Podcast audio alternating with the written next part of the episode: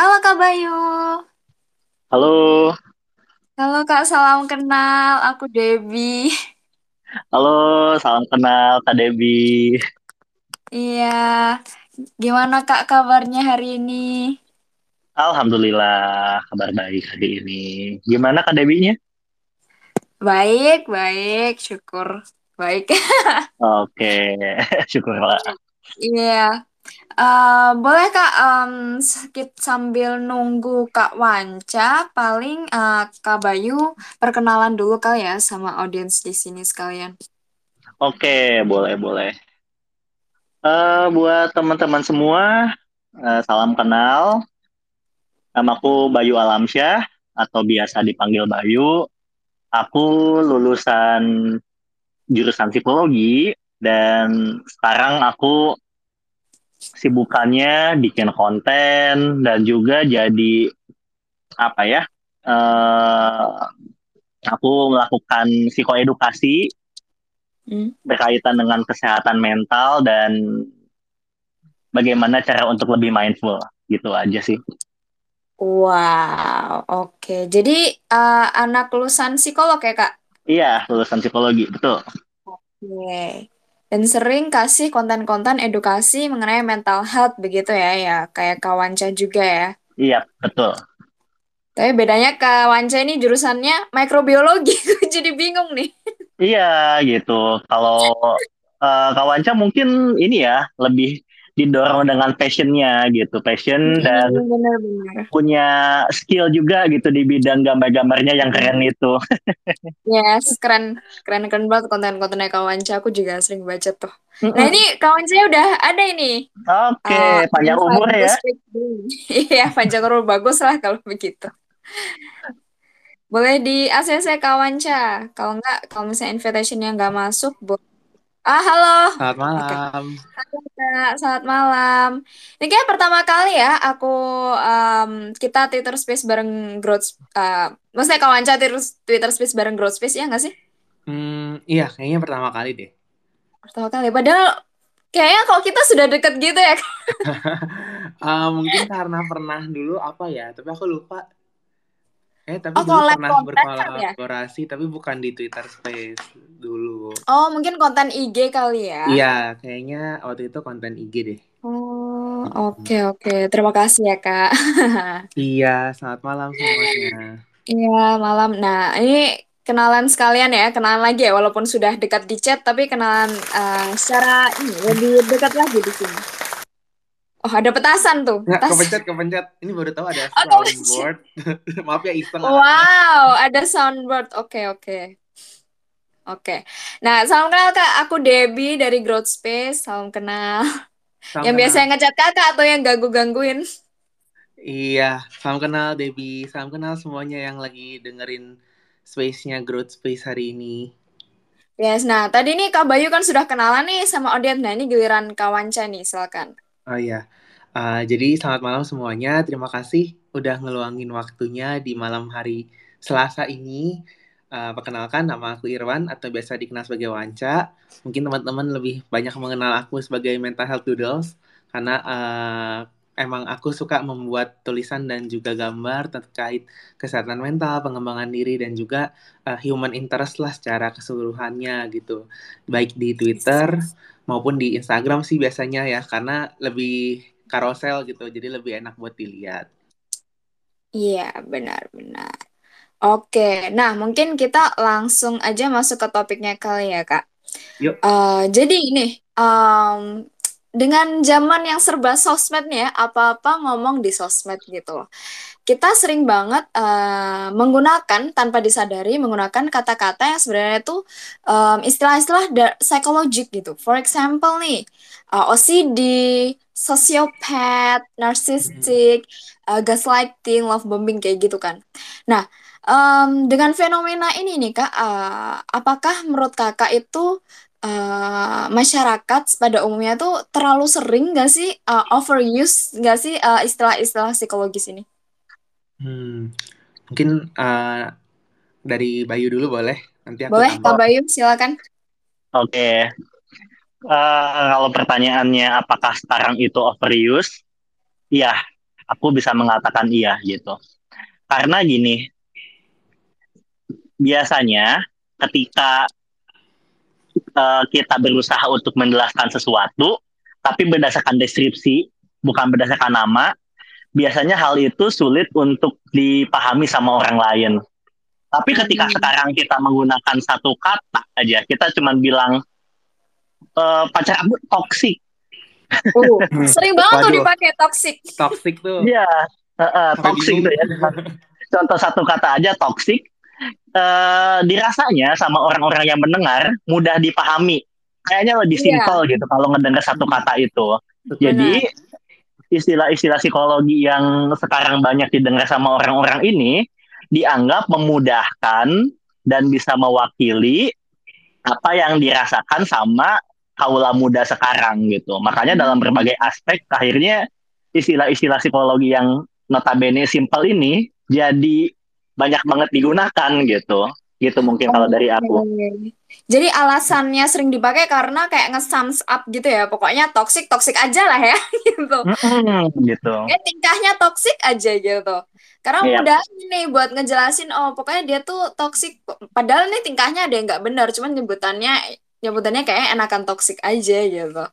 Mm-hmm. Oke, okay, iya, karena memudahkan ya Kak Bayu. Nah, kalau dari Kawanca sendiri gimana tuh Kak yang paling sering yang kayaknya sering banget ngeriset uh, maksudnya ngeriset konten-konten mental health juga kan. Ya, kalau dari Kawanca gimana Kak? Iya, sebenarnya setuju yang tadi Bayu bilang ya, bahwa salah satunya tuh misalnya istilah toxic itu lumayan sering kita dengar. Padahal sebenarnya mungkin uh, toxic itu kan bisa terjadi mungkin ceritanya itu bisa pendek, bisa panjang gitu ya dan penyebabnya pun juga nggak cuma satu sisi biasanya, kadang bisa juga dua sisi. Jadi kita nggak bisa nih semata-mata mengatakan suatu hal itu toksik kalau nggak kita istilahnya amati secara 360 derajat gitu. Termasuk juga kadang kita nggak cocok sama orang, kita ngatain orang itu toksik, kadang tuh suka kayak gitu. Padahal sebenarnya belum tentu gitu dan uh, bisa jadi dia sama orang lain nggak toksik loh gitu. Jadi kadang-kadang oh, kita iya, iya objektif ke perilakunya. Dan uh, itu contohnya yang sebenarnya secara umum itu mungkin dampaknya nggak nggak terlalu parah ya.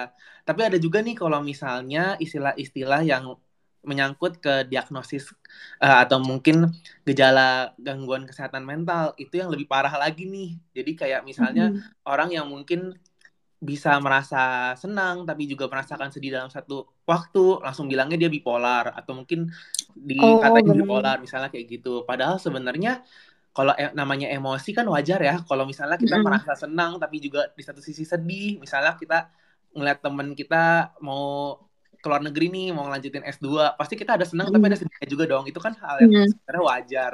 Tapi kadang-kadang untuk beberapa kasus yang senang dan sedih itu kalau misalnya dirasa bareng-bareng dianggapnya bipolar padahal sebenarnya bukan suatu hal yang aneh kayak gitu mm -hmm. kan itu jadi menyangkut gangguan kesehatan mental yang sebenarnya serius dan bahkan butuh diagnosis yang tepat setuju. gitu nggak bisa sembarang ngomong gitu itu sih menurut aku ya Iya benar-benar benar banget karena uh, maknanya jadi luntur gitu bukan luntur uh, digampangkan gitu ya. Mm -mm, jadi ya apa ya jadi salah kaprah gitu orang jadi pengertiannya jadi melebar dari yang seharusnya.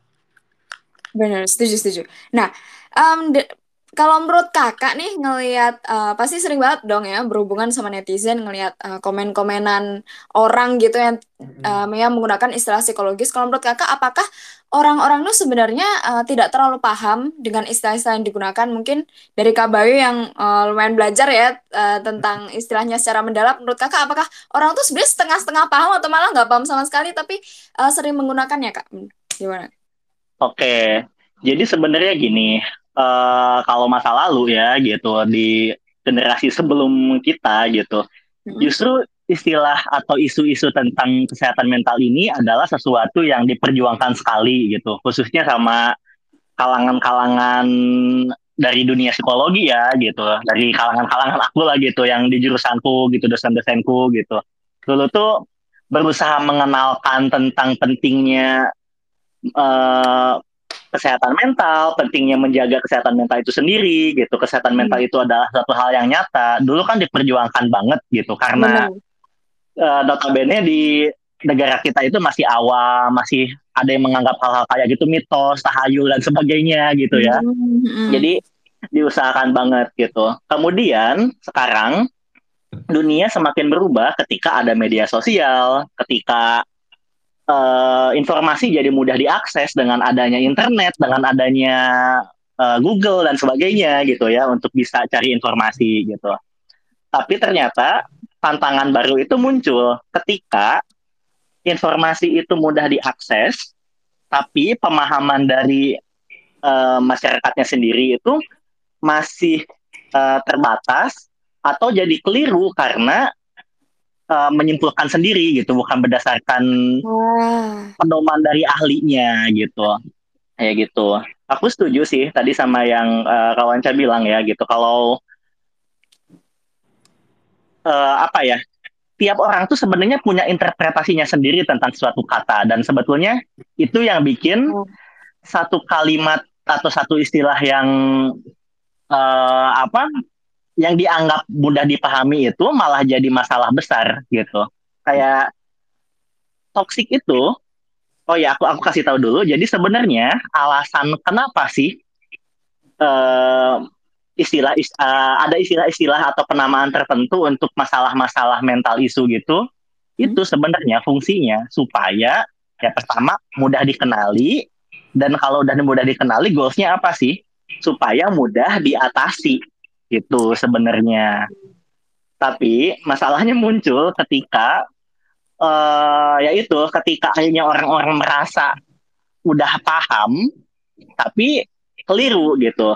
Misalkan ya tadi orang menganggap keyword dari bipolar itu adalah orang yang bisa merasakan lebih dari satu emosi di satu waktu atau misalkan orang yang mengalami mood swing. Dianggapnya yeah, oh mood swings mm, biasanya mm -mm, oh itu berarti aku bipolar ya kalau kayak gitu. Padahal kalau diurai lebih dalam lagi lebih jauh lagi gitu bipolar yang beneran itu ya jauh lebih kompleks daripada itu gitu. Ada fase-fasenya dan strugglingnya juga bakal lebih panjang gitu. Dan yang disayangkan itu memang ketika pengetahuan dari generasi sekarang tentang istilah-istilah itu malah cenderung dijadi, dijadikan sebagai tameng buat membela diri dan mencari validasi. Itu yang disayangkan. Hmm, benar-benar. Setuju setuju. Jadi uh, uh, sih dibuat tameng dan jadi ngaco ya jadinya. Karena uh, digunakan dari interpretasinya sendiri begitu. Nggak bersumber uh, profesional. Maksudnya memang anda didiagnosis mengidap bipolar atau apa begitu tapi kayak kayaknya gue ini deh ada ini deh gitu oke oke jadi sebenarnya malah tujuan awalnya um, digaung-gaungkan ya istilah-istilah ini tuh untuk awareness ya Kak Bayu ya Iya untuk betul. Awareness, uh, mm-hmm. uh, biar orang-orang hmm? karena dulu itu ya memang ya bahkan sampai sekarang juga sebenarnya masih ada aja orang-orang yang betul-betul struggling, betul-betul berjuang dengan mental isu itu. Tapi mm-hmm. sebenarnya kalau orang yang benar-benar uh, kena masalah mental itu malah banyak yang masih belum cari pertolongan malah masih banyak yang takut, masih banyak yang diam oh. gitu dan sebetulnya dari dulu tuh itu yang diperjuangkan gitu kayak oke okay, uh, eh, kita kita kasih penamaan ini supaya orang-orang tahu kalau ini nyata dan supaya kita bisa membantu lebih banyak orang yang memang sedang berjuang dengan isu tersebut gitu. Oke, oke. Nah, aku jadi punya following up question nih, Kak. Nah, kalau misalnya nih orang orang-orang yang memang mengidap, you know, uh, uh, isu-isu tersebut kayak for example bipolar uh, disorder atau apa ya penyebutan penyebutannya uh, ya begitulah um, itu hmm. apakah dengan uh, istilah-istilah ini dilemparkan ke sana ke sini malah berani atau malah gimana kak apakah kakak uh, notice dengan hal tersebut apakah ada dampak positifnya begitu kak? Oke okay. sebenarnya kalau ngomongin di era sekarang itu sisi baiknya seperti apa menurutku emang banyak sisi mm-hmm. baiknya sih karena ya uh, hmm. mungkin teman-teman di sini bisa lihat juga ya gitu nggak jarang gitu kalau ada seseorang yang curhat di manifest di base gitu kan udah banyak orang yang lebih peduli gitu yang tahu gitu oh iya gitu ini seseorang ini butuh bantuan gitu, butuh pertolongan, hmm. dikasih support gitu. Jadi banyak orang-orang yang non profesional pun udah aware untuk ngasih support itu dan ya apalagi buat orang dengan uh, isu tersebut juga udah banyak juga yang jadi tahu gitu. Oh, aku ada kemungkinan punya uh, isu ini dan oke okay, gitu. Aku berarti harus cari pertolongan gitu. Aku mengatakan ini ya karena memang buktinya nggak nggak separah dulu lah gitu sekarang udah banyak yang lebih aware juga dan lebih tanggap juga dalam mencari pertolongan gitu walaupun masih banyak juga sebagian laginya yang masih takut masih khawatir masih sulit gitu dalam mengakses pertolongan ini gitu sih kalau sisi positifnya oke oke mungkin dari Kawanca ada tambahan Kawanca Hmm, setuju sih. Kalau soal sisi positifnya memang kalau yang aku alamin dan aku lihat juga nih dari uh, selama aku ber, berkarya di media sosial sebenarnya obrolan tentang psikologi yang mungkin risetnya bagus dan juga terpercaya akurat dan istilahnya bisa dipertanggungjawabkan itu sebenarnya banyak. Tetapi masih ada limitasi gitu antara orang yang mungkin punya kapabilitas untuk ngedeliver oh. hal tersebut ke orang-orang yang mungkin membutuhkan. Dan uh, karena kan memang kesenjangan literasi di Indonesia tuh masih sangat tinggi ya kak. Jadi memang uh, menurut pandangan aku pribadi sebenarnya memang harus ada titik temu nih antara expert-expert atau mungkin sarjana uh, psikologi atau mungkin psikiater atau mungkin uh, riset atau researcher gitu dengan orang-orang yang mungkin membutuhkan dan bisa mengkonsumsi dengan sehat di media sosial. Nah, sebenarnya salah satu titik temu itu adalah istilah-istilah tersebut sebenarnya ya kalau menurut aku. Karena istilah itu kan istilahnya merangkum suatu penjelasan. Tadi udah sempat dibahas sama Bayu juga soal awareness. Itu aku setuju banget karena dengan adanya itu awareness, menurut aku awareness di Indonesia tentang kesehatan mental tuh udah cukup tinggi ya, terutama untuk kalangan uh, milenial menjelang Gen Z dan Gen Z itu sendiri gitu. Tapi alangkah, alangkah baiknya kalau misalnya dengan segera nih bisa dilengkapi dengan istilahnya pengetahuan yang bahasanya awam tapi tetap sama atau kurang lebih mewakili hasil penelitian, mewakili hasil riset dari peneliti-peneliti tentang psikologi maupun expertsnya gitu. Karena uh, kayaknya orang awam tuh gak ada yang baca jurnal gitu ya. Even kadang-kadang aku kalau nggak konten juga males gitu karena capek gitu kan. Karena susah bahasa Inggris semua bahasanya juga ajaib-ajaib gitu kan. Nah uh, bagaimana caranya kita bisa mendeliver si bahasa-bahasa ajaib itu yang malah banyak disalahgunakan?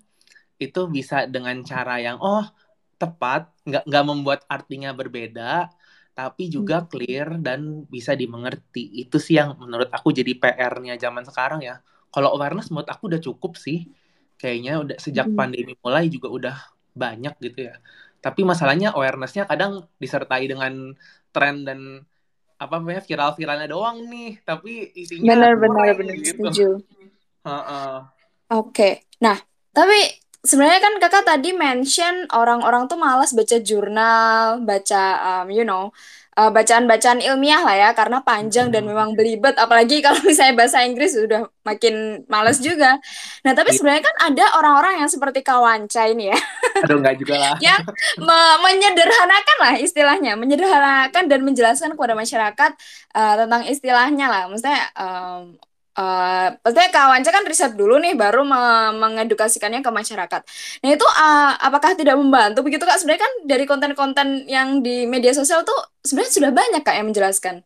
Bagaimana kawanca? Nah, itu uh, kembali lagi sih sebenarnya praktisi itu juga banyak yang udah turun ke media sosial dan benar-benar bisa mengemas apa yang mereka sampaikan dengan baik dan hmm. aku kenal beberapa orang juga sih yang memang backgroundnya psikologi maupun bukan tapi mereka punya interest dan uh, antusiasme yang sama gitulah bahkan lebih gitu dan menurut aku itu sebenarnya hmm. salah satu langkah yang baik sih dan uh, aku tuh kayak berpikir kayaknya kalau kita bisa bergerak lebih kolaboratif itu akan lebih baik sih dari uh, berbagai platform tentang hal ini aku pun juga kalau dari pengalamanku pribadi aku juga nggak pernah putus untuk mau kolaborasi sama orang-orang yang juga aku respect, aku expert, tapi aku juga amatin dulu nih kira-kira orang ini bisa dipercaya atau tidak gitu. Termasuk kayak mm. ya kalau blunder tuh beda lagi lah ya, tapi secara umumnya intensinya apa dan sejenisnya gitu. Menurut aku membantu sih, cuma masalahnya kadang banyak yang suka riding the wave gitu kak. Jadi kayak oh lagi tren ini nih. Oh. Nah tapi kadang-kadang mungkin pengemasannya lebih nekat, pengemasannya lebih berani Oh, dan oke. uh, aku pernah belajar sedikit tentang bikin konten gitu ya kak.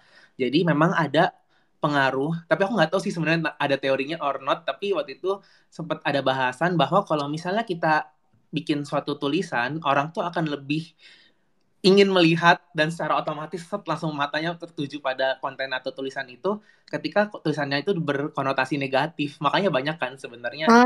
judul-judul atau headline tuh kayak kebakaran, meninggal gitu kan gitu-gitu dan Mm-mm. kata-kata yang istilah konteksnya negatif. Padahal mungkin isinya sebenarnya nggak Oh, seburuk diri headline-nya. gitu. Iya, itu itu lebih itu lagi lebih trigger warning lagi. Ah, ah. Jadi eh, tanpa memikirkan konsekuensi dari kalimat yang ditulis di awal. Itu sih yang Oke, menurut aku oke. itu juga salah satu apa ya bibit-bibit munculnya si labeling istilah psikologis yang akhirnya jadi kesalahgunaan gitu dan lain-lain. Oke, oke, menarik. Tapi, ah, oke, aku jadi paham nih. Se- sebenarnya benar sih yang aku bilang kalau banyak sebenarnya kon- eh, konten kreator yang berusaha untuk mengedukasikannya kepada masyarakat. Tapi ada yang bertanggung jawab dan ada yang tidak bertanggung jawab ya, Kawanca. Yang Mhm. pengemasannya itu bisa di, eh, ditujukan memang untuk agar viral aja, jadinya malah bukan yang mengedukasi, malah misleading begitu loh. Ya itu yang Saking singkatnya juga. hmm. bahaya sih kak. Jadi Hmm. aku selalu ya pokok- pokoknya harus punya punya dikari dan punya itulah punya apa namanya jangan sampai lepas dari itu demi hal-hal kayak yang sementara kayak viral dan lain-lain gitu kayak bisa kok bikin konten yang sehat dan bertanggung jawab tapi tetap bisa rame juga gitu. Setuju, setuju. Jadi walaupun kita belajar dari konten orang tetap harus difilter ya karena uh, lihat-lihat dulu nih apakah uh, yang buat konten memang uh, ngebuat kontennya berdasarkan uh, sumber yang terpercaya pertama, kedua apakah memang lengkap atau dia buat konten asal-asalan aja gitu kan juga bisa gitu. Iya. Sama satu lagi Hmm? jangan dari satu sumber doang kak. Jadi even kalian Oh, misalnya baca benar-benar. tulisan aku nih gitu atau baca tulisannya Bayu atau yang lain juga ada baiknya sih tetap belajarin lagi atau cari tahu lagi gitu ya. Jadi jangan telan dari satu orang doang gitu. Mungkin kreator tuh kayak jembatan lah gitu, tapi tetap harus Mm-mm. kalian yang mastiin isinya.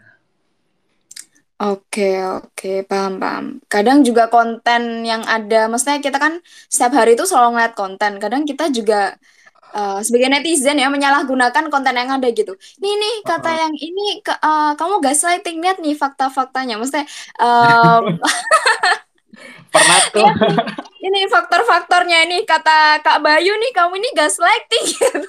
Jadi ini ya ikut waduh kok jadi gue yang bertanggung jawab gitu. padahal beda ya, Bay. Iya, Iya, benar. Karena beda-beda. konten kakak disalahgunakan kan bisa banget kan ya? Oh iya iya, Eh, aku sharing dikit. Eh, maaf ya, motong dikit. Ada Boleh, sedikit sharing dari aku. Barusan disampaikan sama Kak Debbie, aku pernah banget pengalaman. Jadi aku kan pernah bikin tweet tentang maladaptif eh, maladaptif eh, daydreaming gitu. Yang Hmm. emang sebetulnya itu dijelaskan kalau maladaptif eh, daydreaming itu ketika salah satunya adalah ketika misalkan seseorang udah tidak bisa membedakan mana eh, kenyataan dan mana halunya gitu. Halu misalkan dia ngidolain sesuatu tapi sampai halu banget, terus sampai yang Oh. eh, apa namanya tuh kayak fungsi eh, sehari-harinya udah nggak normal gitu Okay, ya. I know Aku where this is going. Nah gitu kan aku pernah nulis kayak gitu. Hmm. Tapi jujur saat itu ya namanya itu bagian dari pelajaran aku ya gitu. Aku saat bikin itu aku pikir ya ya, ya biasa aja gitu. Mungkin yang bacanya akan seperti uh, tweet-tweet aku sebelumnya gitu. Emang Hmm. akunku juga bukan akun yang besar-besar banget ya gitu. Jadi yang bacanya juga nggak terlalu banyak.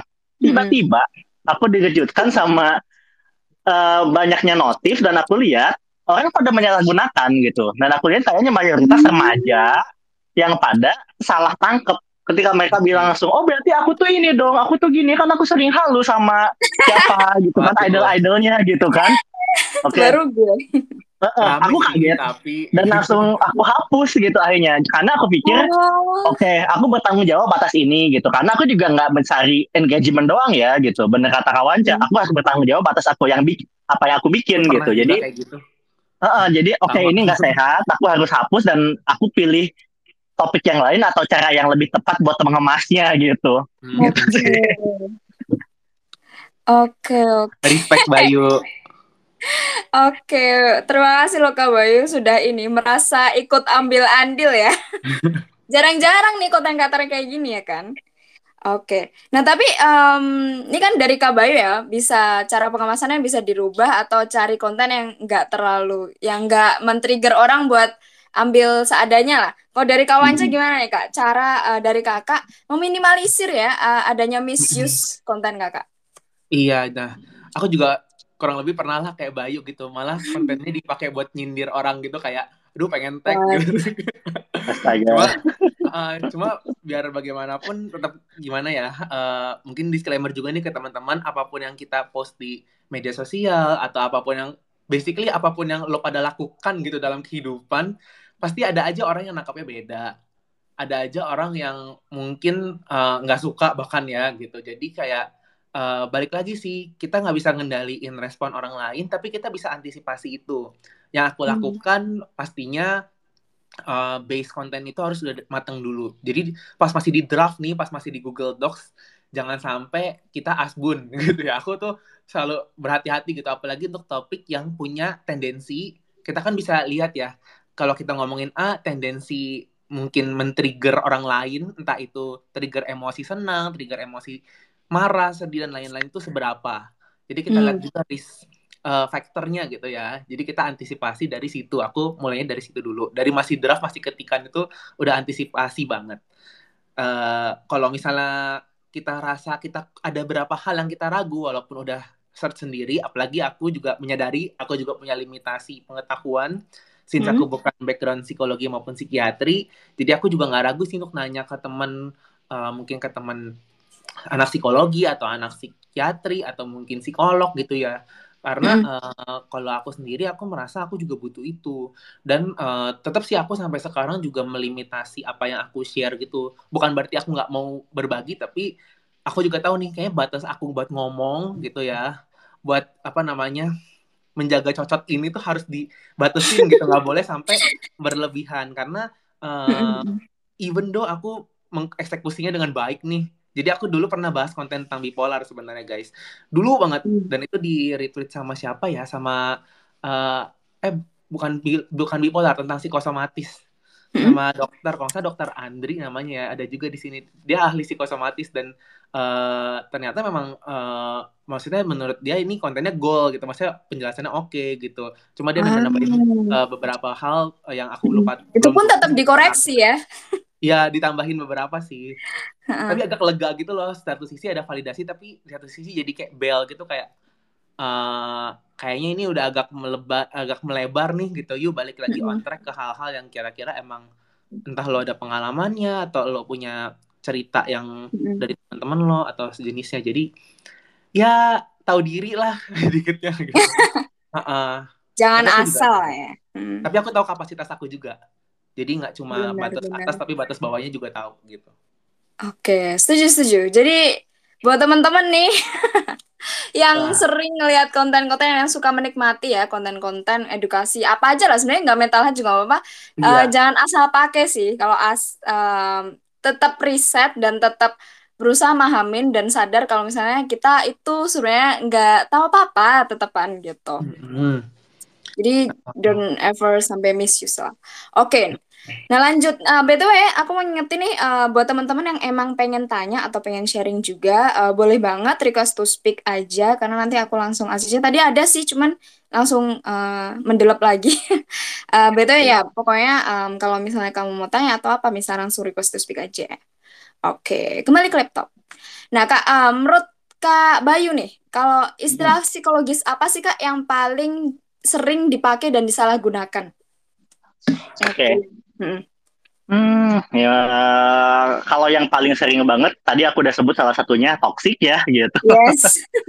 satu toxic. Apalagi toxic ini emang salah satu istilah yang sekarang udah banyak uh, dipakai di banyak konteks juga ya gitu. Dari hmm. paling seringnya itu mungkin kalau harus di ya gitu. Pertama toxic relationship ya. Mm-mm. Itu yang pertama gitu, yang sering aku denger gitu. Karena eh, karena kayaknya masalah yang paling relevan sama semua kalangan dari berbagai strata sosial itu adalah masalah Mhm. percintaan gitu kan. Benar Jadi benar benar.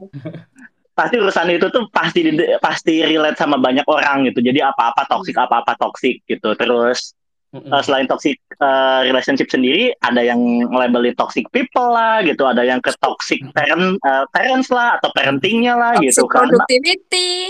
nah productivity positivity gitu kan itu Hmm. banyak dari toxic toxikan gitu terus selanjutnya healing gitu kan Mm. Oh wow, Uh, ini sering banget sih healing.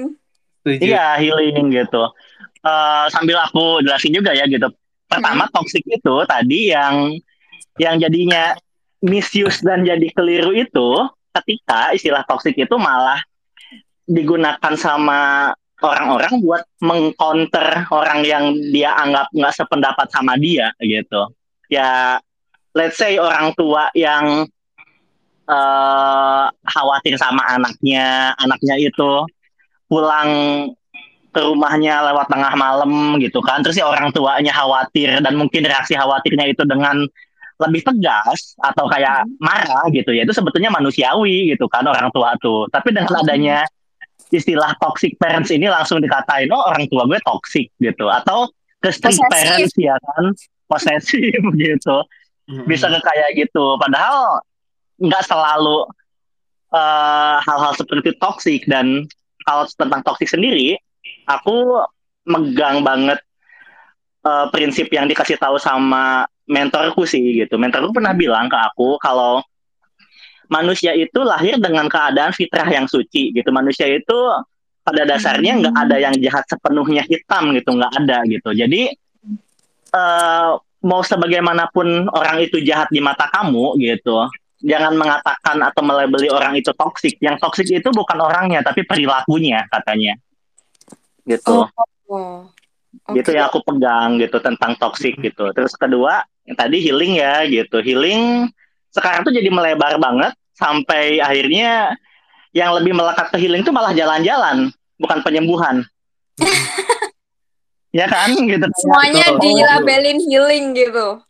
Iya, semuanya mau healing gitu. Healing tuh jadi salah satu hal yang menurut aku belajar tuh healing tuh jadi jadi belanja dianggap healing, jalan-jalan dianggap healing gitu. Padahal soal healing sendiri tergantung ya kamu punya masalah apa dan kebutuhan kamu apa gitu. Let's say kalau misalkan Mm.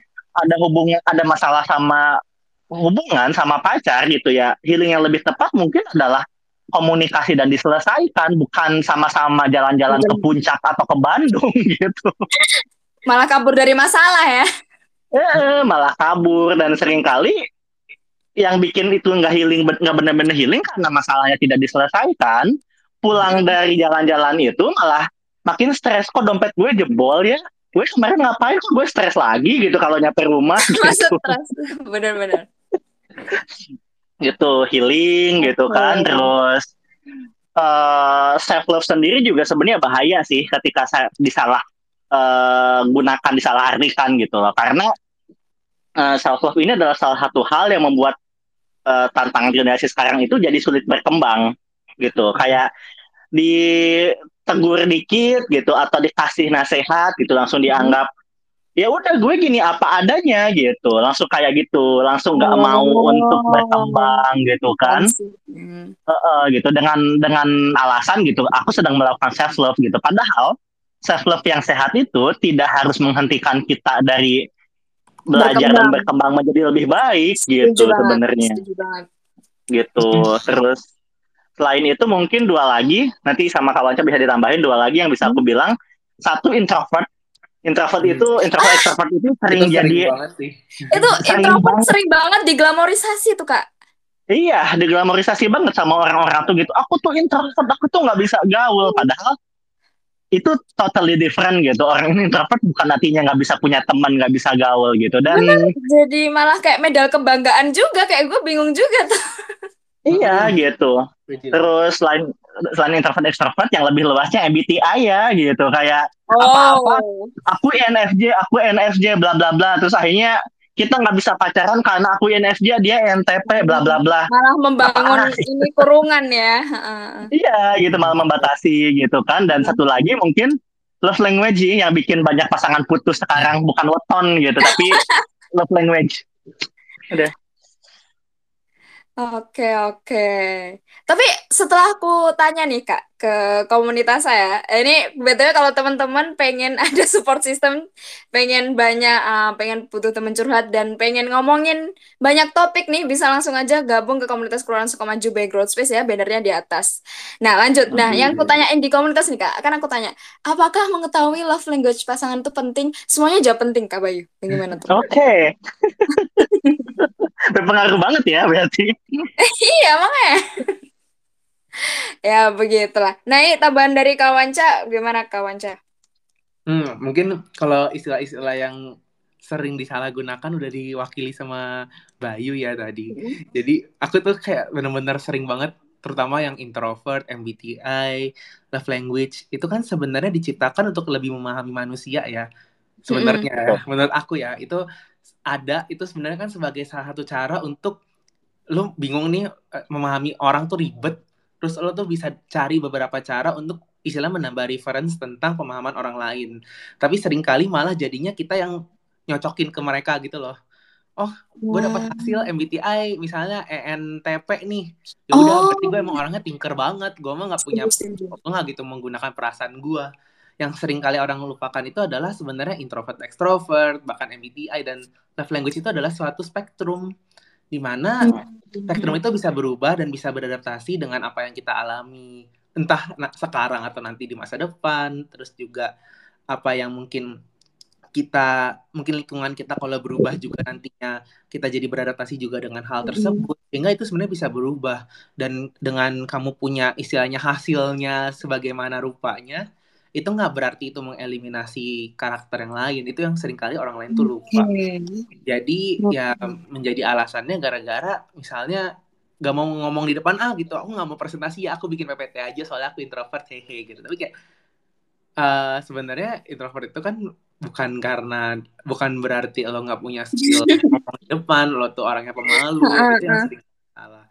Jadi memang ada baiknya kita kurang-kurangin deh nge apa namanya sebenarnya mengetahui itu boleh. Menurut aku lumayan lah buat dapetin referensi tentang diri. Hmm. tapi ada banyak kita nggak jadi kita yang nyocokin ke karakter yang disebutin pas iya, hasil iya, iya. keluar. Tapi kita gunakan itu untuk bener nggak sih gue kayak gini? Coba yuk uh, kita refleksikan lagi lewat misalnya kegiatan kita sehari-hari kita juga lebih nyari tahu sebenarnya aku tuh orangnya seperti apa sih kalau menurut tes ini kayak gini. Tapi ada nggak ya hal-hal lain yang mendukung? Atau jangan-jangan ada yang beda? Karena kan bisa jadi itu kan tes satu waktu ya gitu bisa jadi nggak bener juga dan terus mengeksplor diri sih jadi awareness itu perlu hmm. hal-hal tersebut bisa membantu kita sebenarnya buat meningkatkan awareness tentang diri kita sendiri mm-hmm. tapi jangan justru kebalikannya kita yang nempel ke mereka gitu mm-hmm. wah ini gue ini that's a really nice way to put it kawanca mm-hmm. aku setuju banget nih kalau misalnya malah kita ini malah mencocokkan dengan hasil uh, yang ada gitu. For example, gue NTP nih. Oh, berarti kalau gue ketemu orang selalu debat kayak gitu kan gak juga ya. Maksudnya yeah. adalah kita, tapi secara nggak sadar nih ya kak, um, yang gue alami juga secara nggak sadar kita tuh melabeli diri dan jadinya setelah kita ngelabeli diri, oh gue NTP berarti gue secara nggak sadar mensugesti diri untuk berperilaku seperti itu kak. Ya benar. Gitu. Sebenarnya sugesti itu menurut aku pisau bermata dua ya kalau buat aku sendiri gitu. Karena di satu sisi bisa jadi ada hal-hal baik yang karena yeah. kita dapat hasilnya oh ternyata mm -hmm. aku tuh orangnya bisa fokus gini kalau misalnya aku rajin ini loh gitu. Nah itu kan bisa kita coba sebenarnya mm -hmm. itu salah satu hal yang bisa jadi referensi balik lagi referensi gitu. Tapi bukan suatu hal yang mutlak gitu. Jadi nggak apa-apa kita coba selama hal yang bisa mendatangkan kebaikan why not gitu. Tapi ketika itu nggak works ya berarti kita juga harus explore lagi nih kira-kira apa ya yang cocok buat uh, perkembangan kita pada saat ini gitu yang bikin kita happy bener, yang bikin kita fulfill gitu. Jadi ya balik lagi karena spektrum dan tidak kekal bahkan sangat bisa berubah. Ada nggak sih yang tes MBTI gitu terus hasilnya berubah-berubah? Aku tuh udah berubah dua kali deh kayaknya sepanjang aku hidup gitu. Walaupun pas dibaca relate banget tapi kayak balik lagi memang mungkin dasar-dasar dari kognitif kan MBTI itu dasarnya kognitif function ya teman-teman. Hmm. Itu uh, mungkin ada dasar-dasar itu yang memang cocok dengan karakter yang aku miliki. Tapi balik lagi nih, itu nggak mutlak dan itu bisa dikembangkan. Gitu. Jadi ya memang hmm. ba boleh nyari gitu. Aku makan juga kadang-kadang suka oh iya uh, kayaknya ini cocok nih buat aku gitu. Tapi aku nggak serta merta menjadikan aku si karakter yang disebutin di website itu gitu. Oke, oke. Nah ini mungkin gue sekalian reminder kali ya buat kita semua dan sekaligus diri gue sendiri. Kalau misal nih um, kita nemuin kayak you know um, tes kepribadian lah, apalah love language apa pun, uh, yang negatif oke okay lah, um, just ah ya tahu aja gitu. Tapi yeah. tetap ingat kalau misalnya negatif tuh perlu dibuang perlu sekali dibuang. Like kita tuh fleksibel loh. Masa orang yang dibilang egois jadi egois terus selama hidupnya enggak juga kan ya. Misalnya nggak mau juga kan juga. Jadi um, kita fleksibel dan kita bisa berubah kok gitu loh. Apa yang negatif nggak harus jadi diri kita selamanya gitu. Uh, nah, oke okay. ya itu sih uh, maybe reminder juga ya buat teman-teman. Nah ini ada Kak Anton nih yang uh, mungkin mau bertanya. Uh, boleh di ACC Kak Anton? Boleh langsung unmute?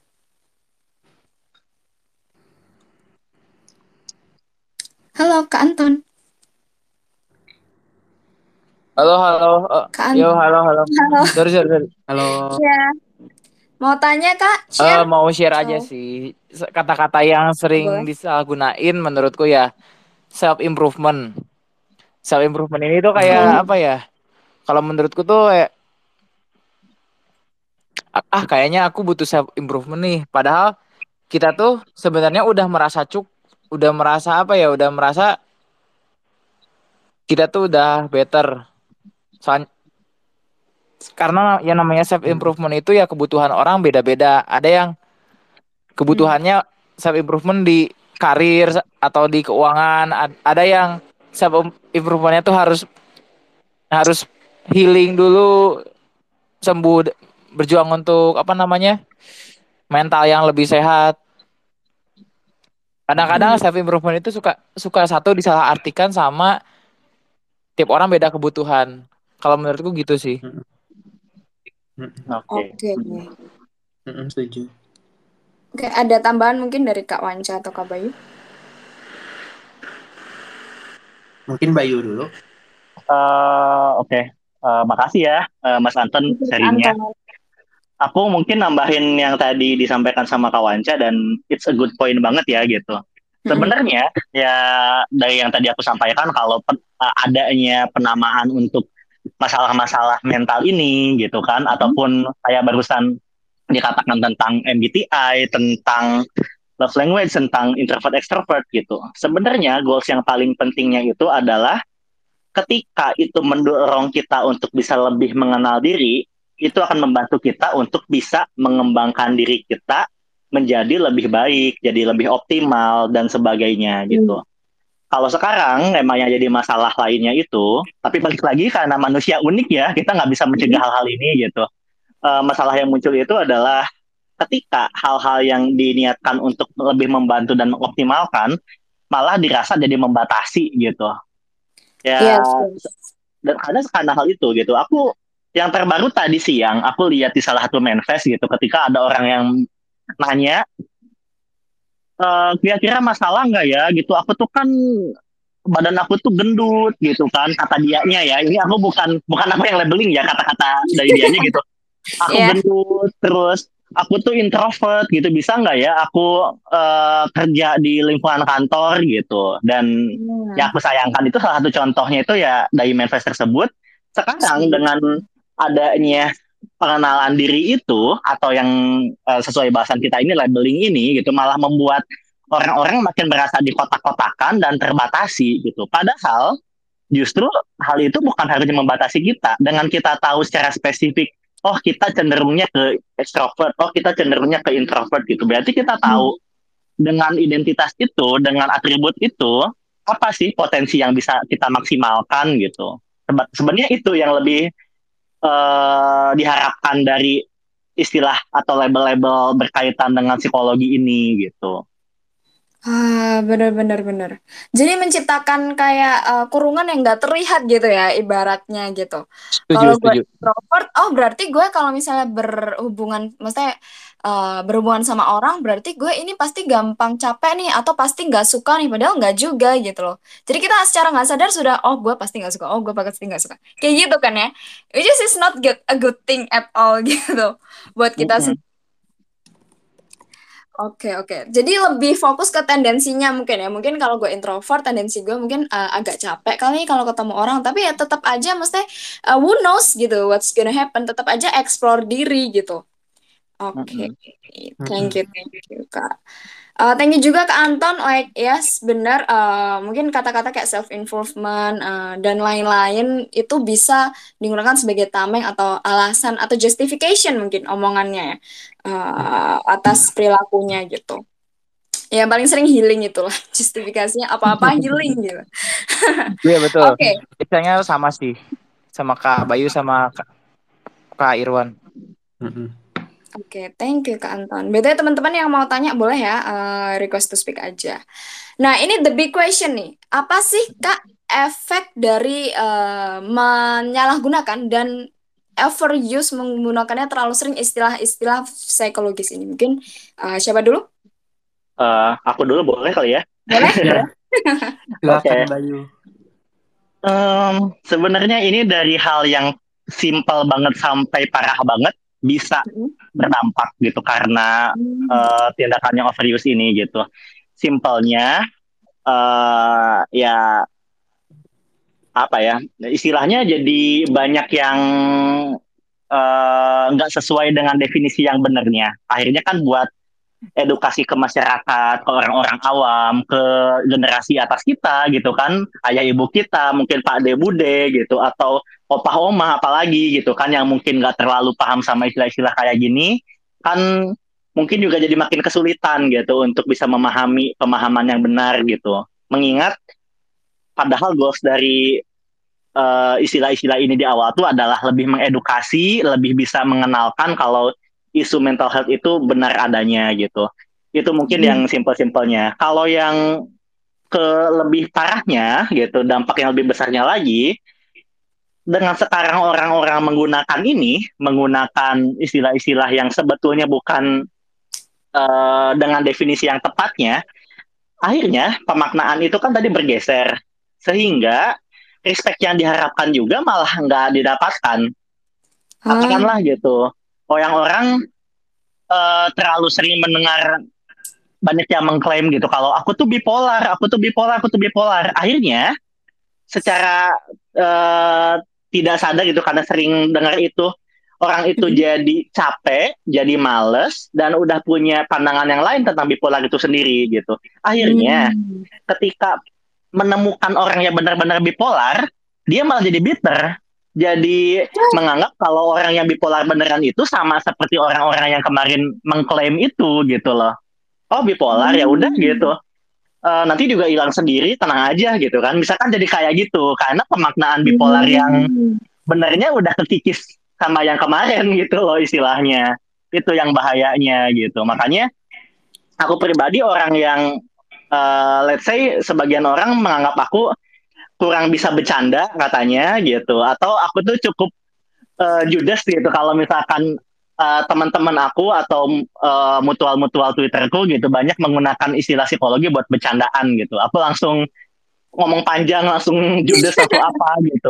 Tapi aku ada maksudnya gitu karena kadang-kadang dari hal-hal yang dianggap simple emang bercanda gitu. Tapi ada perubahan kecil perubahan kecil perubahan kecil yang nantinya dampak paling besarnya dirasakan sama pihak yang beneran butuh itu gitu sih. Hmm.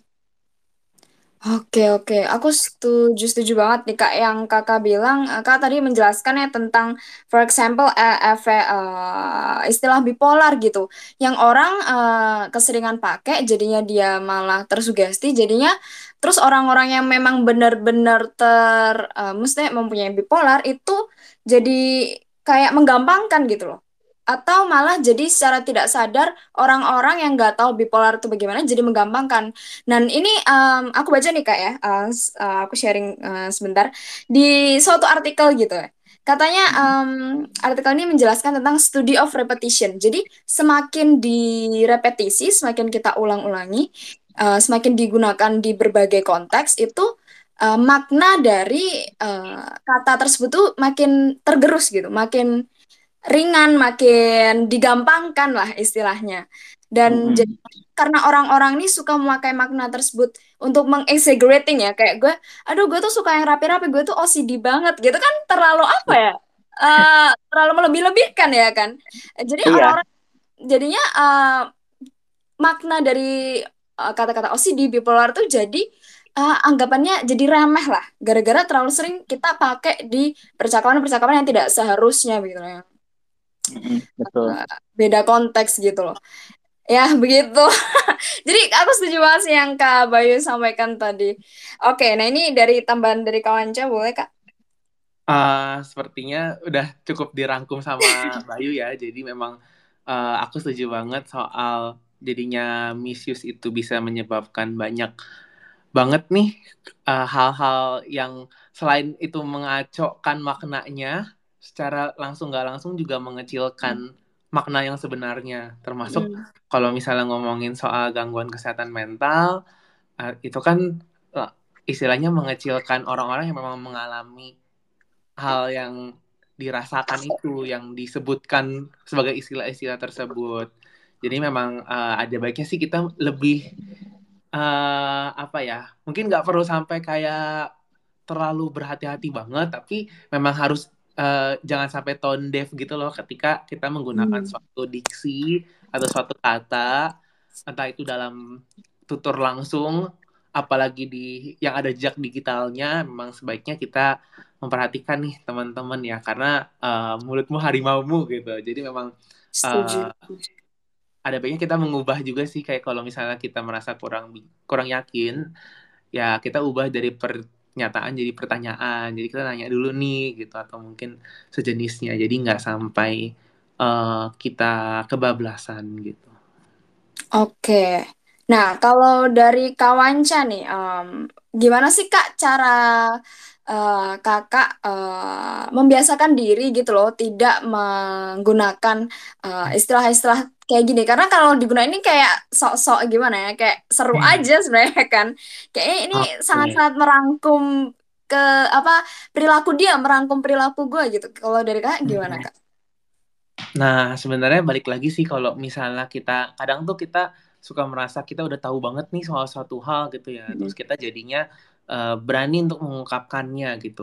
Sebenarnya mungkin maksud yang kita mau sampaikan dari istilahnya cerita atau menggunakan istilah-istilah tersebut tuh sebenarnya ada maksud yang valid juga gitu seperti perasaan kita atau mungkin pengalaman kita yang mungkin buruk gitu ya atau kita kurang nyaman dengan hal tersebut. Tapi memang ada baiknya kita ngasih konteks dulu nih apa sih yang kita mau omongkan gitu. Karena kalau menurut aku pribadi sebenarnya dengan istilah yang digunakan semakin sederhana gitu ya, yang inklusif, jadi nggak cuma bisa dimengerti oleh orang-orang tertentu gitu ya atau kaum kaum tertentu itu akan semakin baik gitu.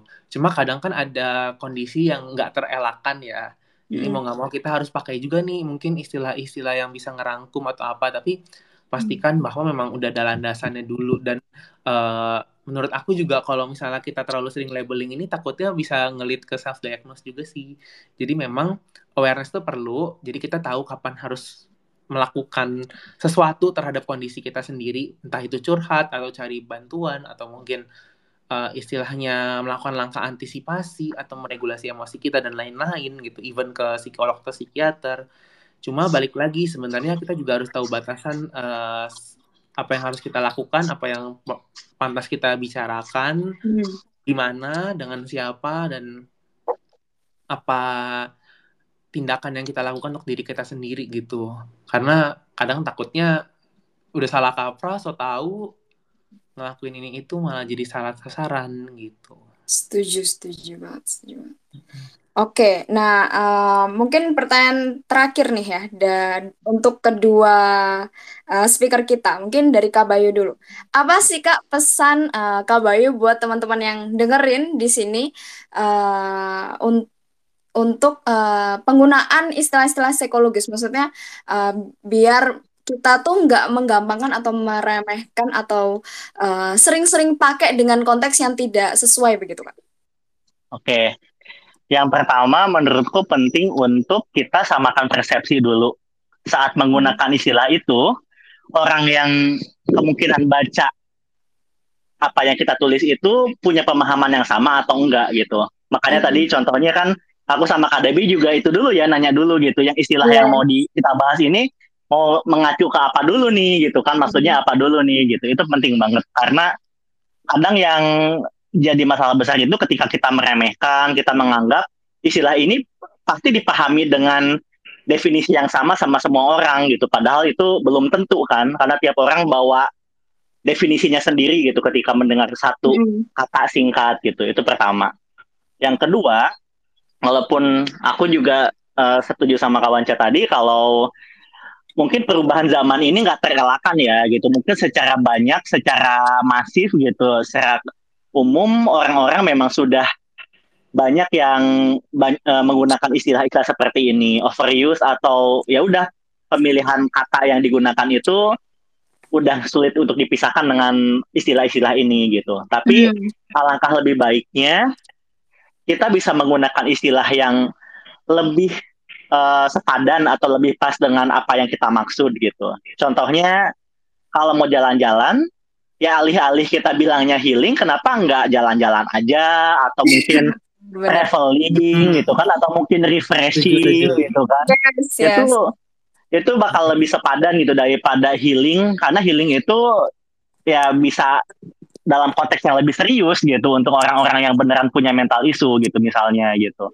Terus uh, setuju juga gitu kalau alangkah lebih baiknya kita jangan merasa aku udah paling paham, aku paling ngerti gitu. Carilah Eh, sumber-sumber uh, yang memang bisa dipercaya, memang kredibel, memang orang-orang atau tokoh-tokoh yang kita udah tahu nih latar belakangnya uh, seperti apa gitu dan udah punya kapasitas untuk bisa menjelaskan definisi-definisinya itu gitu. Walaupun emang uh, aku juga mengamati dan mengakui ya gitu baca-baca sumber referensi yang ilmiah tuh malesin gitu, tapi kan sekarang udah ada orang kayak Kawanca gitu, udah ada konten creator yang lain gitu yang udah bisa mengemas itu jadi lebih simpel gitu. Gitu sih. Mm -mm. Oke, oke. Thank you, Kak Bayu. Oke, nah ini dari Kawanca. Pesan untuk masyarakat yang uh, tendensinya lebih fokus untuk melabeli seseorang daripada fokus ke tindakan orang tersebut. Oke, nah ini uh, yang perlu kita ingat ya mungkin ada momen di mana kita kesel banget nih atau udah gondok banget sama perilaku orang gitu ya iya di sekolah di kampus di tempat kerja pasti ada aja kan yang bawaannya tuh kalau ketemu dia pengen ngejulit gitu pengen menggelar tiker gitu. Cuma uh, perlu kita lihat juga nih bahwa sebenarnya mungkin kita yang kita nggak suka tuh mungkin salah satu tindakannya atau mungkin kebiasaan orang tersebut. Dan bisa jadi itu belum tentu uh, istilahnya bisa aja orang lain ada yang nyaman-nyaman aja ke fine-fine aja dengan karakternya doi seperti itu. Tapi buat kita kita merasa iritasi gitu ya merasa nggak nyaman mm -hmm. gitu itu kan sebenarnya juga hak hak kita juga kok buat nggak suka sama orang lain kan orang lain juga nggak semuanya bisa suka sama kita gitu jadi sebenarnya sih uh, dibandingkan kita langsung nge-label atau mungkin langsung uh, ya sebawaannya kita sebel banget tapi ada yang perlu kita sadari juga nih bahwa ya udah emang mungkin aku sama dia tuh nggak cocok emang bukan tipe yang bisa gue jadiin bestie bukan tipe hmm. Gue nyaman kerja bareng tapi kalau emang harus kan bisa di ya harus ada etika profesional atau etika yang lain yang mengikat. Tapi kalau di luar itu nggak ada ya udah nggak usah gitu. Itu hak hak kalian juga kok gitu. Tapi ya jangan sampai kita over apa ya istilahnya over investasi kebencian, kemarahan, ketidaksukaan pada orang gitu. Karena yang ada yang kita mungkin nggak sukanya kecil atau mungkin nggak sukanya satu titik doang jadinya nggak sukanya banyak gitu. Dan itu pada akhirnya makan energi lo pada juga guys. Jadi mending hemat-hematin energi deh jangan terlalu fokus ke benci-benci marah-marah gitu. Marah secukupnya aja gitu seperlunya gitu. Kan yang rugi energi lo juga emosi lo juga nguras-nguras gitu. Gitu sih kalau aku menerapkan Oke. mencoba yang sekarang gitu Bener-bener daripada ngasih bensin ya kayak ini orang Iya. kok narsistik banget nih. Gue nemu ini orang sosiopat nih sosiopat kan biasanya kalau kebawa emosi capek. gitu ya. Malah Capek, orangnya yang capek. sebenarnya biasa aja mungkin saat ngebuat satu kesalahan eh jadi sosiopat malahan. Iya, wajar sih kalau sekali dua kali ya. Kadang kita meledak gitu. Itu mah wajar banget. Cuma eh, cukup sekali aja gitu. Besoknya kita kayak eling lagi. Sadar lagi. Oh ya, Mm-mm. apa ini gue kayak gitu rugi? Keep on track. Oke, thank you banget. Thank you banget Kawanca. Oke guys, jadi instead alih-alih fokus ke perbuatannya kita tuh kan tendensinya langsung melabeli karena emang seru aja nih membawa Iya. drama, membawa bensin begitu. Tapi itu secara nggak sadar menjadikan sifat eh, menjadikan itu identitas diri orang lain atau diri kita sendiri. Kayak kita setelah ngebuat kesalahan, oh kok gue bodoh banget, oh kok gue eh, ini banget eh, nggak fokus banget gitu. Atau gimana itu lebih ke fokus eh, itu secara nggak sadar bisa ngebuat eh, itu menjadi bagian dari diri kita padahal sebenarnya tidak separah itu begitu. So be careful guys eh, out there em, dengan ber- dalam berkata-kata dalam menulis di sosmed. And terus keep research ya kalau misalnya ada waktu untuk ngulik silakan ngulik aja pahami aja kata-kata itu secara mendalam. Jadi biar kita itu kalau udah paham itu pastinya kita eh, nggak gampang lah nggak segampang itu nggak seremeh seremeh itulah dalam menggunakannya oke so eh, itu aja sih sesi dari eh, aku Kak Bayu dan Kak Wanca today thank you banget ya Kak Bayu thank you banget Kak Wanca kita udah ngobrol seru Sama-sama. banget nih seru seru Sama-sama. Uh, juga, and thank you juga teman-teman yang udah join. Um, kalau misalnya kalian pengen nonton recordingnya masih bisa. And kalau misalnya uh, lebih dari 30 hari bisa cek aja YouTube Growth Space begitu. Thank you again Kak Bayu, thank you again Kak Wanca. Thank you Uh, semua. kapan-kapan Thank kita uh, aku ajakin ini ya ngobrol lagi ya. Iya, makasih Mbak Dewi. Iya. Oke, udah nagih aja ya, sudah mentarget saya. Oke, thank you and bye-bye. Bye-bye.